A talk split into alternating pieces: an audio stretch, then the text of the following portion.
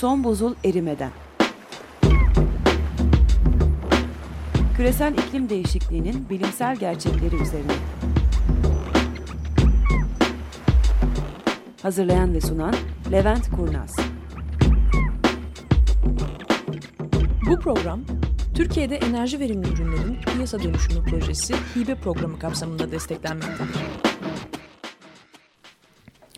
Merhaba, hoş geldiniz. Bu sefer canlı yayındayız. Her seferinde bant yapıyoruz epey zamandır. Tufan'la beraberiz. Merhabalar. Ben Levent Kurnaz. Şimdi Tufan yazıyı okuyacak. Tamam.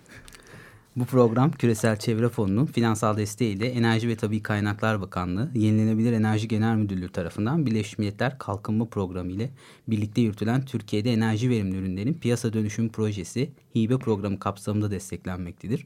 Bu yapımın içeriğinden Levent Kurnaz sorumludur ve hiçbir şekilde tarafların görüşlerini yansıtmamaktadır. Eyvah işte. Bu, bu, bu işi yapacağız demektir. Ee, bugün şimdi ben şeyden e, Facebook'tan Twitter'dan falan işte şunları konuşacağız bunları konuşacağız diye bir ton şey geçtim. Ondan sonra belki biliyorsunuzdur ben e, Ümit Şahin'le aynı ofisi paylaşıyorum. Ee, tam Ümit Şahin çıkmak üzereyken peki şunu okudun mu dedi bana bir şey ortaya attı. Aa o mu bu mu derken konu birden Değişti Epey ciddi değişti ve gündemmiş. Hatta işte Yeşil Gazete'ye de yaz dendi. Bir bakalım şimdi bu gündemi üstünden geçelim. New York Times'da çok korkunç bir yazı çıkmış. Böyle hepinizi ürkütecek falan. O yazıdan birazcık bahsedeceğiz. Ondan sonra memleket meseleleri konuşacağız. Ama tabii biz Cumhurbaşkanlığı seçimiydi, yok kim kime laf ettiydi, edepsiz dediydi tarafına girmiyoruz. İklim konuşuyoruz sadece. Ee, bu söz konusu olan haber, buna, buna baktın mı New York Times'da? Evet, yap, her yerde bugünkü. dolaşıyor. Ha, her yerde haber. dolaşıyor. Ve şeyden Sonra odaya bir arkadaş daha geldi. E, ama işte radikalde şöyle diyor gibi de bir laf etti. Radikalde tabii bu yazının çok çok daha kısa versiyonu var anladığım kadarıyla. Bayağı uzunca bir yazı bu. Yani şimdi bu yazı diyor ki eğer Antarktika eriyecek olursa okyanuslar yükselir. Bilim adamları uyarıyor. Böyle 1 metre 20 santim falan galiba. Evet bir şimdi bu, bu, bu detayları birazcık konuşacağız bugün. Şimdi bir kere e, önemli olan hani gazetelerde bu haber çıkıyor olabilir ama bu bir kere A haber mi? E, oradan girelim. Şimdi öncelikle bu haber değil.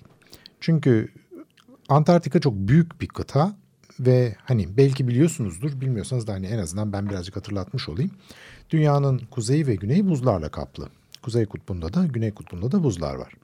Yalnız kuzey kutbu ile güney kutbunun temel farkı kuzey kutbu sadece denizin üstündeki buzlardan oluşuyor. Güney kutbu ise karanın üstündeki buzlardan oluşuyor ve esasında bayağı yüksek dağlarla kaplı bir kara var Güney kutbunda. Kuzey kutbundaki buzun ortalama yüksekliği 2-3 metre arasında. Yani öyle büyük buz kütleleri, dağlar, mağlar gibi bir şey yok Kuzey Kutbu'nda. Denizin üstünde birkaç metre buz var sadece. Dolayısıyla da bunun eriyip donması çok çok daha kolay olabiliyor. Ama bununla kıyaslandığında Antarktika yani Güney Kutbu'nda bayağı büyük miktarda buz var. Buzun kalınlığı kilometreleri buluyor. 3 kilometreyi aşan yerleri var buzun kalınlığının. Artı dağlar, tepeler falan derken hani bildiğimiz bayağı karanın üstündeki buz demektir bu. Ve hem kuzeydeki buzun hem güneydeki buzun yani hem Antarktika'nın hem Arktik buzun bir zaman içerisinde eriyeceği neredeyse kesin artık. Bunu biliyoruz. Ve e, Kuzey Buz Denizi'ndeki buzun tamamı eriyecek olsa ne kadar değiştiriyor buzun kalın, yani suyun kalınlığını ya da yüksekliğini dünyada? Sadece kuzeydeki yani. Sadece kuzey. 1.20. Sadece kuzey. Tamam. Bütün kuzey kutbunu eritecek olsak. Bu arada bilmeyenler Tufan benim doktora öğrencim. Hazırlıksız yakalandı şimdi. evet çalışmadığı yerden sorduk. Şimdi bakın Kuzey Kutbu'ndaki buz suyun üstündeki buzdur. Dolayısıyla o eridiği zaman suyun seviyesini yükseltmez. Yani suyun içindeki buz gibi hani bildiğiniz bardağın içine buz atacak olursanız o bardağın içindeki buz eridiğinde bardaktan su taşmaz. Böyle bir problem var. Yalnız Güney Kutbu'ndaki buz eriyecek olursa yani Antarktika'daki artı bir de Grönland'daki buz eriyecek olursa dünyadaki deniz seviyesini çok ciddi miktarda arttırıyor. Grönland eridiğinde deniz seviyesi yaklaşık olarak 7 metre artıyor sadece Grönland'dan dolayı.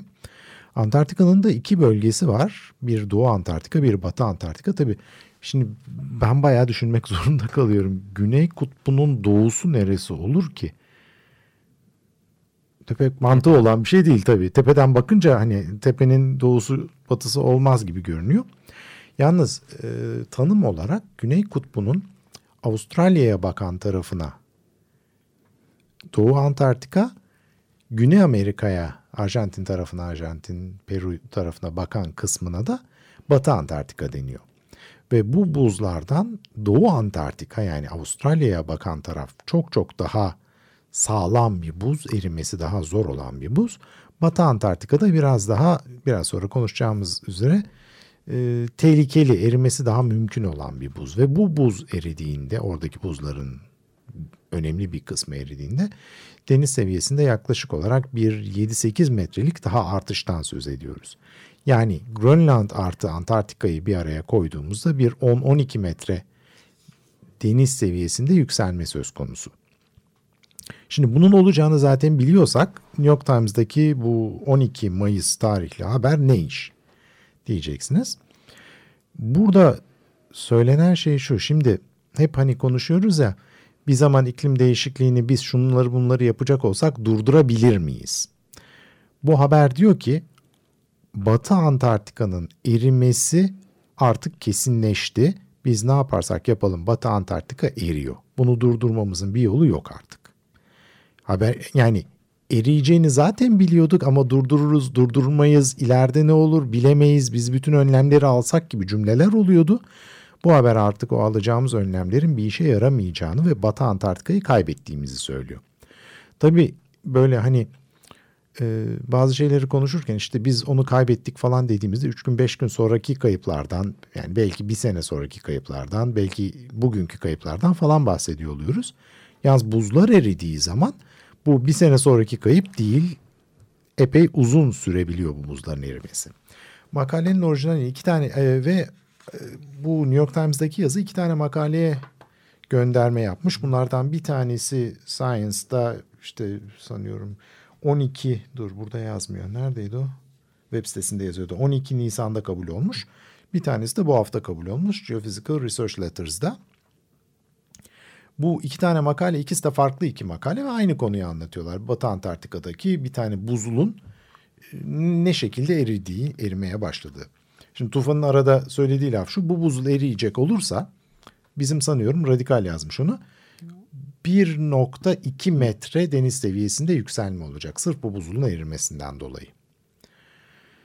Şimdi 1.2 metre çok fazla bir şey olarak görünmüyor bizlere. Hem bir de zaman süresi olarak bakıldığında diyorlar ki bu yaklaşık olarak 2 ila 900 yıl sürebilir. Şimdi bu tür lafların hepsi gayet iyimser laflardır. Durum çok çok daha kötü olabilir. Sadece hani en iyi beklentileri 200 yıl içerisinde bunun erimesi. Bu da 200 yıl içerisinde yani 2200 yılına kadar sırf bu buzuldan dolayı deniz seviyesinin 1.2 metre artmasıdır. Yani bu hep azar azar artma yani. E tabii şimdi bu bu kadar artacaksa yakın vadede de bunun etkilerini yavaş yavaş görmeye başlayacağız demektir. Yani 200 yıl sonra bir durup anda... durup durup durup evet 200 yıl sonra birden eriyecek değil. Bugünden itibaren 200 yıl içerisinde bu eriyecek. Yalnız tabii bizim sağ olsun gazeteciler bir takım şeyleri alıp tercüme ettiklerinde ilk baştaki bir paragrafı bile bir paragrafı tercüme etmişler anladığım kadarıyla. Burada yazıyor çünkü. Ee, dur 10 feet diyor ya bir dakika 1.2 metre. Nereden çıktı senin söylediğin? O şekilde o gördüm okudum. Of. Ben detaylı çünkü orijinalini incelemedim. Yok o yani ben bayağı deşmeye çabaladım da şurada yazıyordu cümle tam olarak da. Dırı dırı dıp dıp dıp dıp. Ha tamam burada. Şimdi e, dört tane şey altı tane buzulun erimesinden bahsediyor bu şeyin yazarı, makalenin yazarı. Eric Rigno diye bir arkadaş NASA'dan. Dur bir dakika NASA'dan.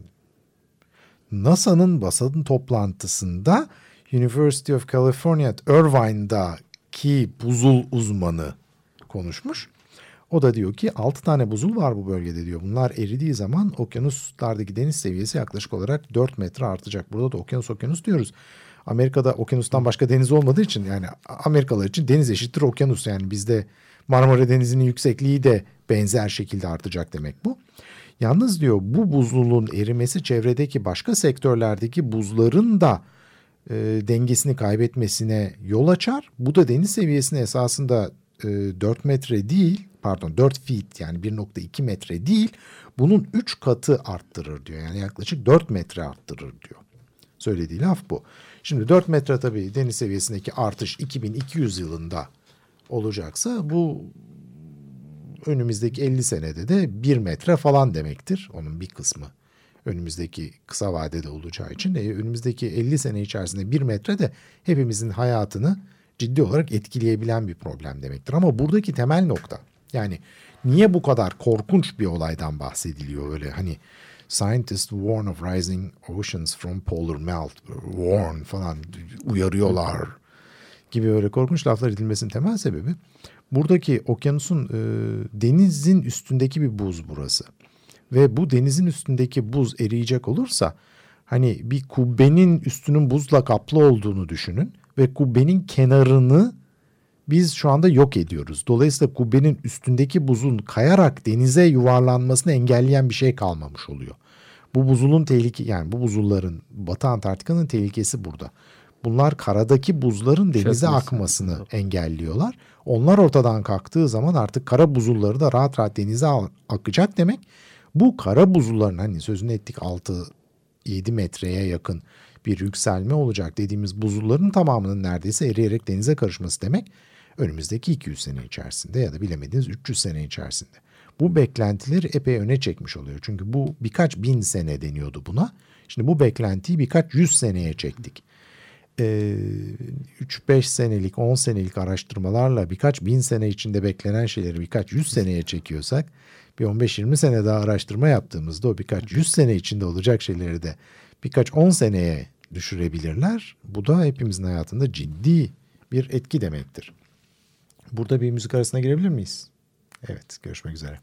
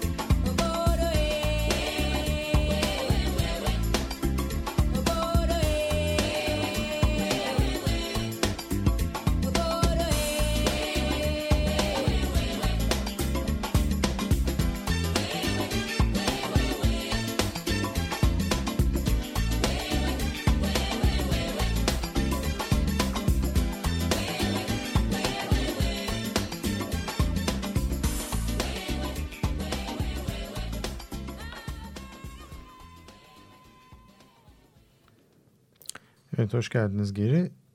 Şimdi dünyanın öbür köşesinden, Güney Kutbu'ndan bir memlekete dönerek biraz da içinizi buradan karartacağız.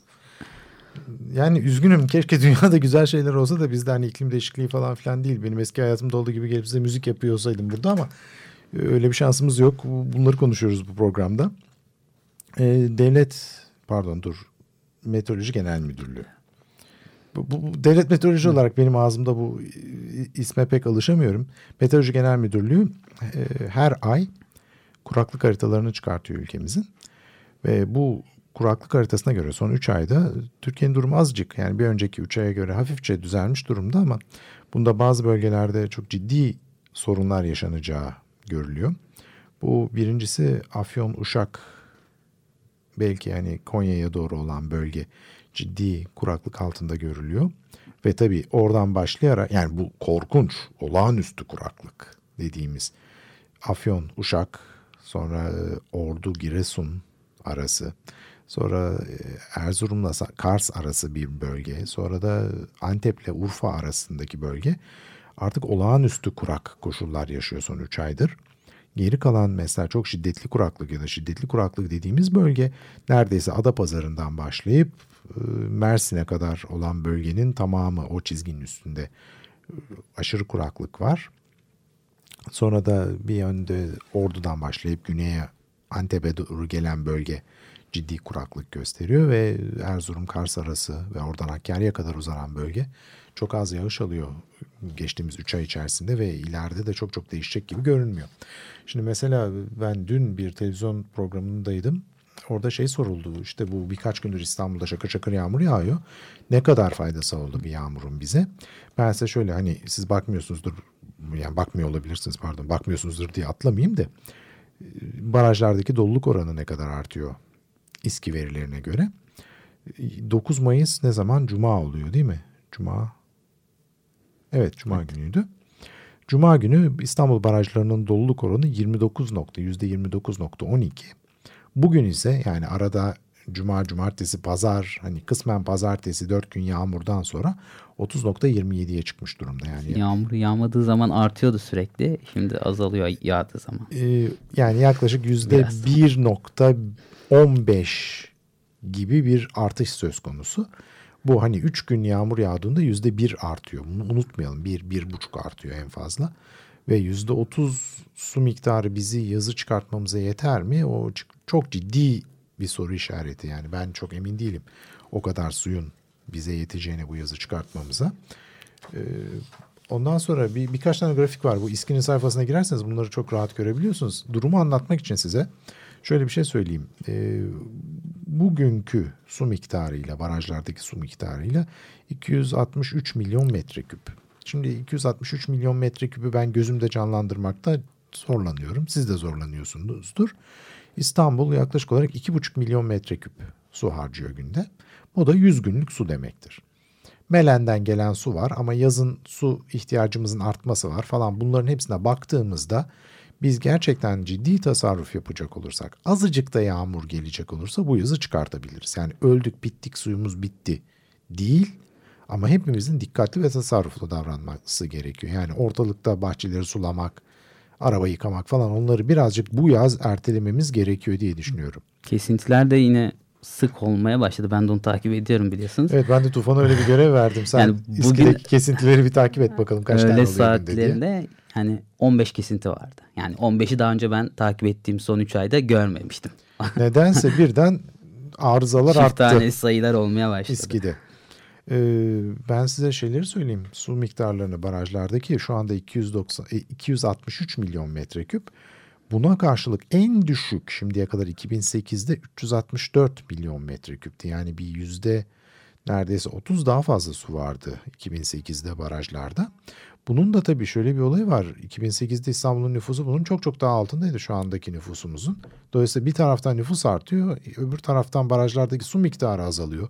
Hani hatırlıyorsunuz bu 2007-2008 kuraklığında aman işte dişinizi fırçalarken musluğu kapatın, çamaşırınızı şöyle yıkayın, bulaşığınızı böyle yıkayın diye duyurulara çıkılıyordu, ilanlar veriliyordu, köprülere asılıyordu bunlar.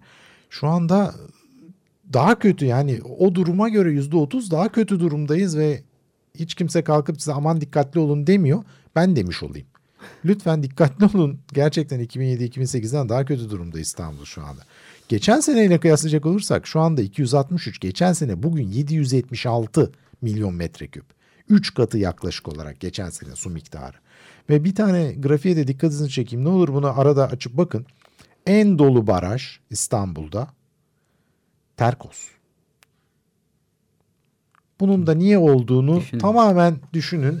İnşallah bulursunuz yakın bir zamanda en dolu barajımızın niye Terkos barajı olduğunu. Şimdi biz gene programı kapatırken bu enerji verimliliği konusuna birazcık geleceğiz. Ben bütün onları hazırlamıştım. Ben onları konuşacağız. İşte e, nasıl iklim değişikliğini azaltabiliriz. Ondan sonra mitigasyon diye bir laf var. Bu mitikasyonun Türkçesi nedir? Zorlanıyorum. Şimdi şöyle bu IPCC'nin 3 tane raporu var biliyorsunuz. Bunlardan bir tanesi şey e, iklim değişikliğinin bilimi o tercümesi daha kolay oluyor. Adaptasyon diyor onu uyum diye tercüme ediyoruz. O da kolay oluyor. Üçüncü bölümde mitigasyon. İşte mitigasyonu Türkçe'ye çevirmekte azıcık zorlanıyoruz ve sanıyorum ona hani hep Azaltım azaltım diyoruz.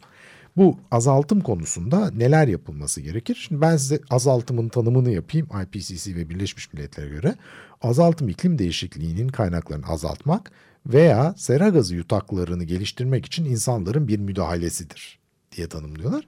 Şimdi burada iki tane laf var. Dolayısıyla bizim yapmamız gereken birinci iş iklim değişikliğinin kaynaklarını azaltmamız gerekiyor. Bu da atmosfere elimizden geldiğince daha az karbondioksit salmak demek.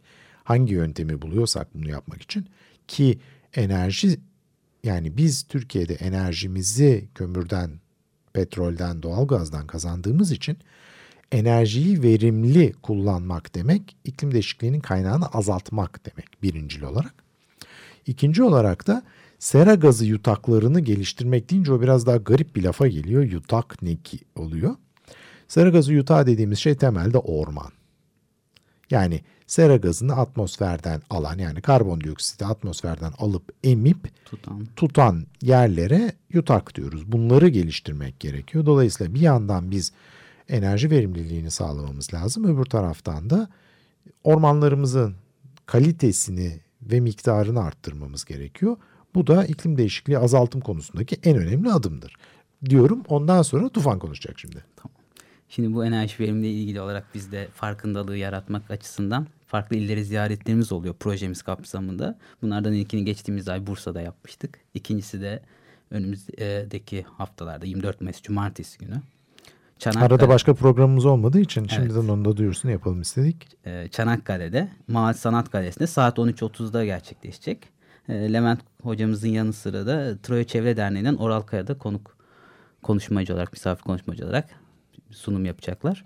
Buradan başta Çanakkale'ler olmak üzere ilgi duyan herkesi bekleriz. Evet yani İstanbul'dan da gelebiliyorsanız onu da bekleriz. Çünkü İstanbul'da konuşmuyoruz bu konuda sanıyorum şeyde Bursa, Çanakkale ve İzmir'de İzmir olacak. toplantılarımız Daha olacak. sonra İstanbul'da büyük bir konferans İnşallah gibi bir şey bekliyoruz. Evet çok teşekkür ederiz dinlediğiniz için. Haftaya görüşmek üzere. İki hafta sonra görüşmek üzere pardon.